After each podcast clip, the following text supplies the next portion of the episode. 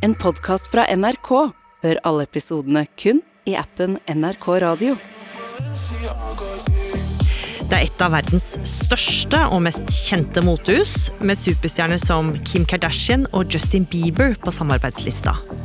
Men det rådyre luksusmerket er også kjent for kontroverser og krass kritikk. Balenciaga's $2,000 bag that looks exactly like IKEA's 99 cent tote bag. Ugly! Balenciaga releases their distressed sneaker collection starting at $1,850. Have you seen these things? Their pieces are trick.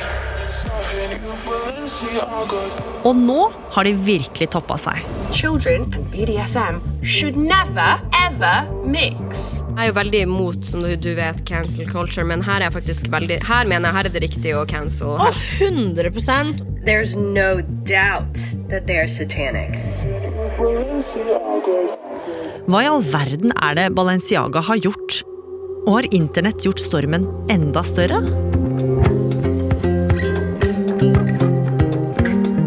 Du hører på Oppdatert. Jeg heter Gry Baby. De siste ukene så har det virkelig blåst en sur, iskald vind inn i lokalene til luksusmerket Balenciaga. Det som nok skulle vært en heidundrende periode med masse penger i kassa, perfekt tima opp mot juleshoppinga, det har istedenfor blitt en katastrofe. For nå har flere influensere gått hardt ut og sagt at de vil boikotte hele motehuset, og noen går så langt som å pælme ut både vesker og sko og alt som er, og hive det rett på dynga. Line Orfjell, du er journalist her i Oppdatert, og du har virkelig fordypa deg i denne skandalen som motehuset, som er kjent for de store, klumpete skoa sine og klær med veldig synlig logo, står i. Ja, for selv om jeg ikke er så veldig interessert i mote, så blir jeg jo alltid veldig nysgjerrig da, når en gigant som Balenciaga får såpass mye hat og kritikk. Og det skulle jo vise seg at dette her er en ganske saftig sak. Og alt rabalderet det starta for noen få uker siden, nærmere bestemt onsdag 16. november 2022. Da slipper nemlig Balenciaga en ny kampanje som heter Balenciaga Gift Shop. Mange forbinder jo dette motehuset med klær og sko og vesker og sånn, men nå er det altså snakk om typiske gaveideer, altså ting til hjemmet. Og det er jo bare noen få uker igjen til jul, så reklamebildene som sendes ut til folket, de er selvfølgelig mynta på de som skal ut på shopping. Og det folk får se på reklamebildene, det er et fiktivt hjem som er fylt til randen av lekkert Balenciaga-stæsj. Et av bildene viser stua i det fiktive huset, hvor det er satt en ring med vinglass på bordet, og på gulvet ligger det en lang rekke med tallerkener i ulike størrelser, og i hjørnet så står det en svær rosa hundekurv. Et annet bilde viser et barnerom hvor det er lagt Balenciaga-trekk på dyna og puta, og det ligger en haug med nips rundt omkring på gulvet, ganske stilig plassert. Men selv om dyreutstyr og sengetøy kanskje virker folkelig og avslappa i utgangspunktet, så skjønner jeg jo at denne kampanjen her, den er ikke akkurat ment for meg og min økonomi. Nei, for dette her er jo et merke som er ganske dyrt, Line. Ja, herlighet. Det er et rådyrt merke som definitivt er et av verdens aller største navn i motebransjen.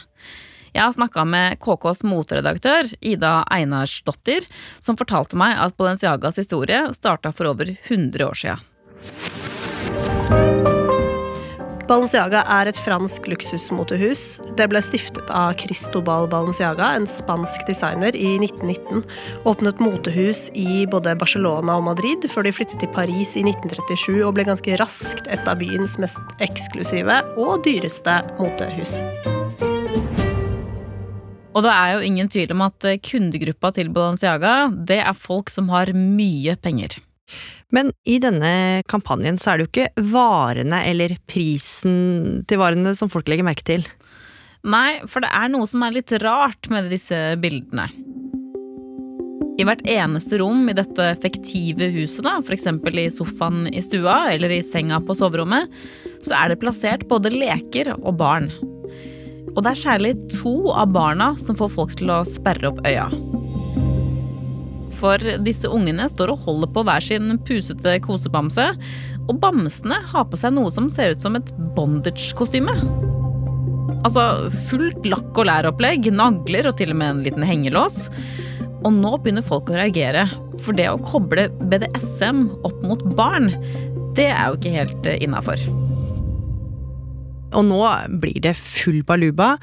Mange kan nesten ikke tro det de ser, og på Twitter så sprer bildene seg som ild i tørt gress. Men Line, det her skal jo bare vise seg å være toppen av isfjellet. Ja, for bare noen dager seinere, mens mange fortsatt er i harnisk over disse bamsene i lakk og lær, så kommer det en ny kampanje fra Balenciaga. Og denne gangen så er det ikke et fiktivt hjem som skal vises fram, men et fiktivt kontorlandskap midt på Manhattan i New York. Og det er lekre kontorantrekk som skal friste folket, og flere kjendiser har stilt opp på bildene. Blant andre skuespiller Nicole Kidman og modellen Bella Hadid. Og de sitter da ved blanke, luksuriøse kontorpulter og poserer alvorlig mot kamera, mens skyskraperne ruver i bakgrunnen. Og når folk ser de bildene her, bare noen dager etter den første reklamekampanjen, så skjer det noe. Etter alt bråket med BDSM-bamsene, så er det mange som ser på disse nye bildene med argusøyne. Og på ett av dem så er det en Balenciaga-veske som er plassert oppå en haug med papirer. Og disse arkene virker jo ganske uskyldige ved første øyekast, men hvis man zoomer inn alt man kan, noe mange også gjør, så går det an å lese litt av det som står der. Og da oppdager de at papirene er rettsdokumenter, og at de faktisk er helt ekte. Saken det gjelder, er fra 2008, og den handler om en mann som hadde prøvd å tilby overgrepsbilder av barn inne på det mørke nettet. Og mannen løy. Han hadde ingen overgrepsbilder, men han ble dømt likevel for å ha promotert eller prøvd å selge noe som er strengt ulovlig. Mannen valgte å anke saken, og det er papirene fra denne ankesaken som ligger ved siden av Balenciaga-veska. Og det her var jo en sak som denne mannen endte opp med å tape, og han ble igjen dømt ha promotert overgrepsbilder. Og det er nå det begynner å surre seg litt til her. Kanskje fordi det handler om barn og overgrep, noe som jo er veldig alvorlig, så tar internett fullstendig av. Plutselig skriver folk at Balenciaga hadde kledd barn opp i BDSM-kostyme, ikke teddybjørner, og at det er slengt masse dokumenter fra en rettssak om overgrep rundt dem, noe som jo heller ikke stemmer. Mange blir helt overbevist om at dette her er gjort med vilje, at Balenciaga bevisst prøver å pushe fram et skjult og ubehagelig budskap. Here you have a major international retail brand promoting kitty porn and sex with children, and not promoting it subtly, but right out in the open. And we can't even show the picture because it's so distasteful. Og det som nå slippes ut og sprer seg gjennom internett som et illsint virus, det er at Balenciaga promoterer og støtter seksualisering av barn. Even prisoners agree that child predators and pedophiles are the lowest of the low. All of these people, the majority of them, are satanic and they are heavily involved in the abuse of children.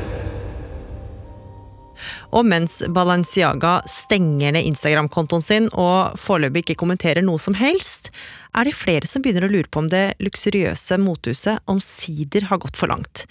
For det er nemlig ikke første gangen de lager kampanjer som gjør folk sinte.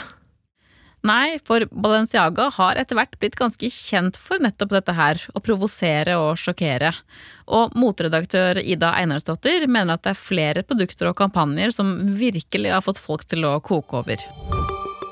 Jeg tror jo de aller fleste husker den blå Ikea-posen, eller kopien av den blå Ikea-posen som ble solgt for titusenvis av kroner.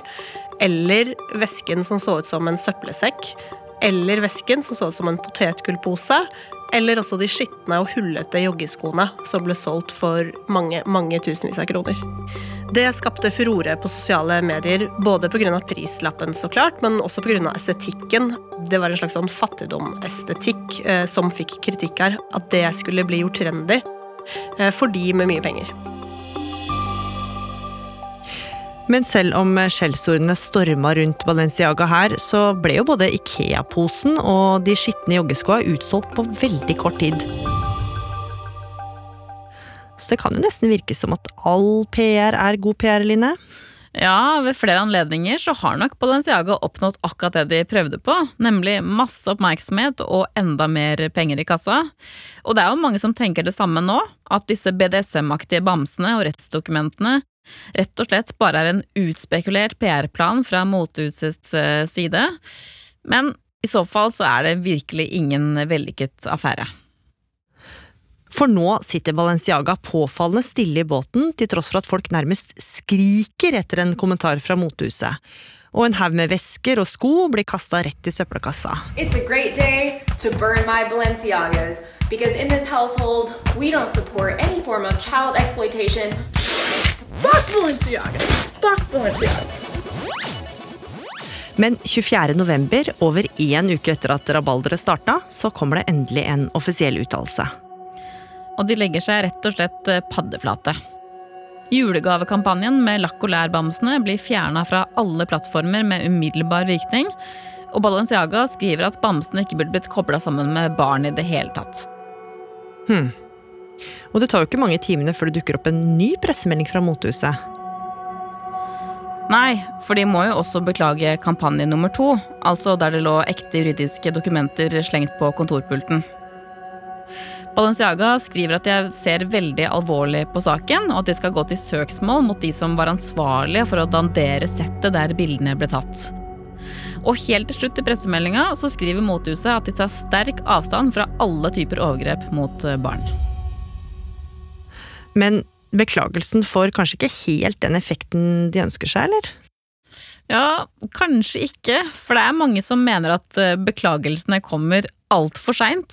Og ikke minst at Balenciaga prøver å legge skylda på andre, når de egentlig burde tatt ansvaret sjæl.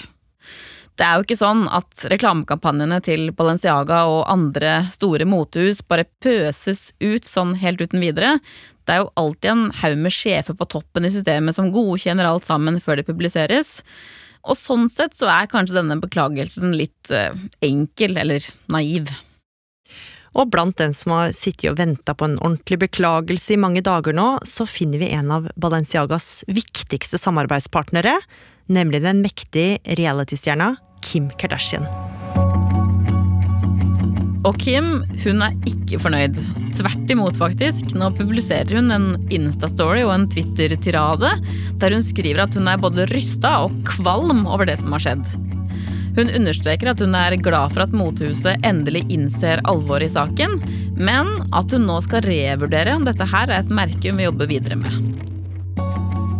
Og nå begynte jo folk å lure på om det her kunne bety slutten for kjendismerket, for når verdensstjerna Kardashian er misfornøyd, da er man i trøbbel.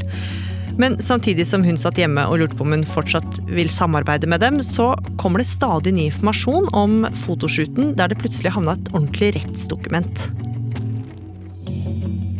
Ja, for nå dukker det opp en offisiell uttalelse fra han som var ansvarlig scenograf på dette settet.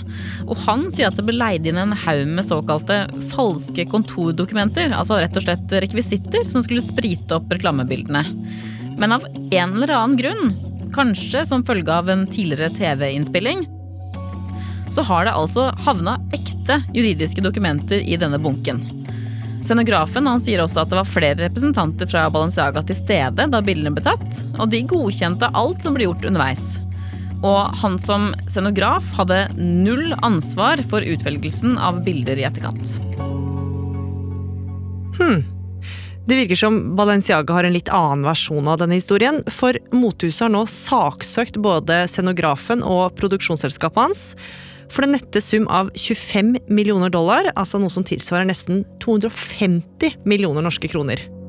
Ja, og de går faktisk så langt som å hevde at produksjonsselskapet har gjort dette her med vilje. Altså at disse rettsdokumentene ble plassert i reklamebildene for å koble Balenciaga opp mot overgrepsbilder av barn, og dermed sette mothuset i et skikkelig dårlig lys. Men Line, uansett hvem som har gjort hva, eller hva som egentlig har skjedd under eh, reklamefotograferingene, så er det fortsatt full furore inne på internett. Ja, skravla går, for å si det sånn, og det er ganske hardtslående greier også. Men dette her er virkelig en sak som får fram harmen i folk. Noe som også har gått hardt utover fotografen som tok bildene av barna og bamsene, italieneren Gabriel Galimberti. Mange har utpekt ham som en syndebukk her, og innboksen hans har rent over av hetsende meldinger. Og ikke minst så har han fått flere drapstrusler. Og ifølge han selv så har han også mista flere jobber, så han har på en måte blitt eh, nok et eksempel på hvordan lynsjestemninga på nettet kan få kjempekonsekvenser for enkeltpersoner. Han har rett og slett blitt stempla som en pedofil på internett. Og Galimbertis versjon av dette her er at han kom på jobb til et ferdig sett. Han hadde null innvirkning på innholdet. Han bare tok bildene, akkurat som han fikk beskjed om, og så dro han hjem. Men Line, nå har jo denne saken her surra og gått i noen uker, og det virker som at folkets vrede kommer til å prege resten av førjulstida for hele motehuset. Hva kan være grunnen til at det gikk som det gikk? Ja, Det er et godt spørsmål som jeg tror veldig mange lurer på.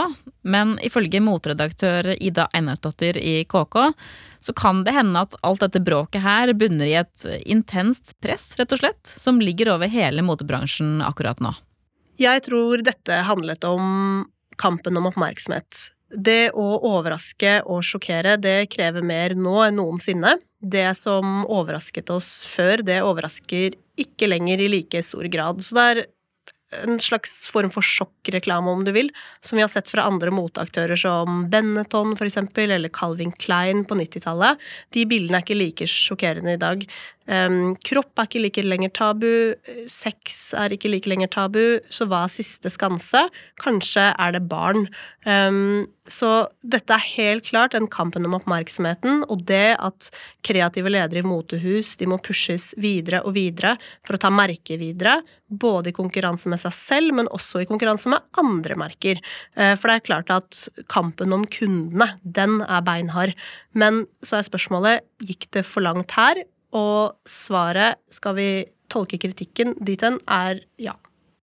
Er det her en storm som kommer til å blåse over, eller vil man alltid tenke BDSM-aktige kosebamser og uheldige rettsdokumenter neste gang man ser disse overdådige Balenciaga-merkene?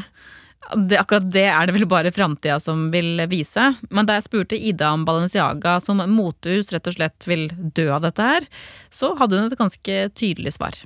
Jeg vil tro nei. Eh, og det er rett og slett av den grunn at folk har lett for å glemme. Stormen blåser over, noen andre gjør noe verre, noe mer kontroversielt, for det er jo det som må skje nå. Hva er den siste tabu? Det er ikke lenger kropp, det er ikke lenger sex, kanskje er det barn, men så gjør noen noe verre, noe annet som går viralt, og som vi snakker mer om. Og da kanskje vi glemmer det som Balenciaga gjorde.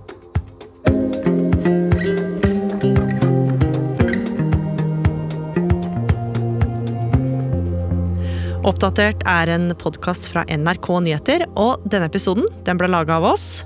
Produsent Line Orfjell. Lyddesign Espen Bjørlo Mellem. Vaktsjef Ina Swann. Og jeg heter Gry Veiby. Programredaktør er meg, Knut Magnus Berge. Klippene du har hørt, er fra Fox, ABC, forskjellige TikTok-kontoer og NRK. Har du tips eller innspill, så må du gjerne sende oss en e-post på oppdatert krøllalfa nrk.no. En podkast fra NRK.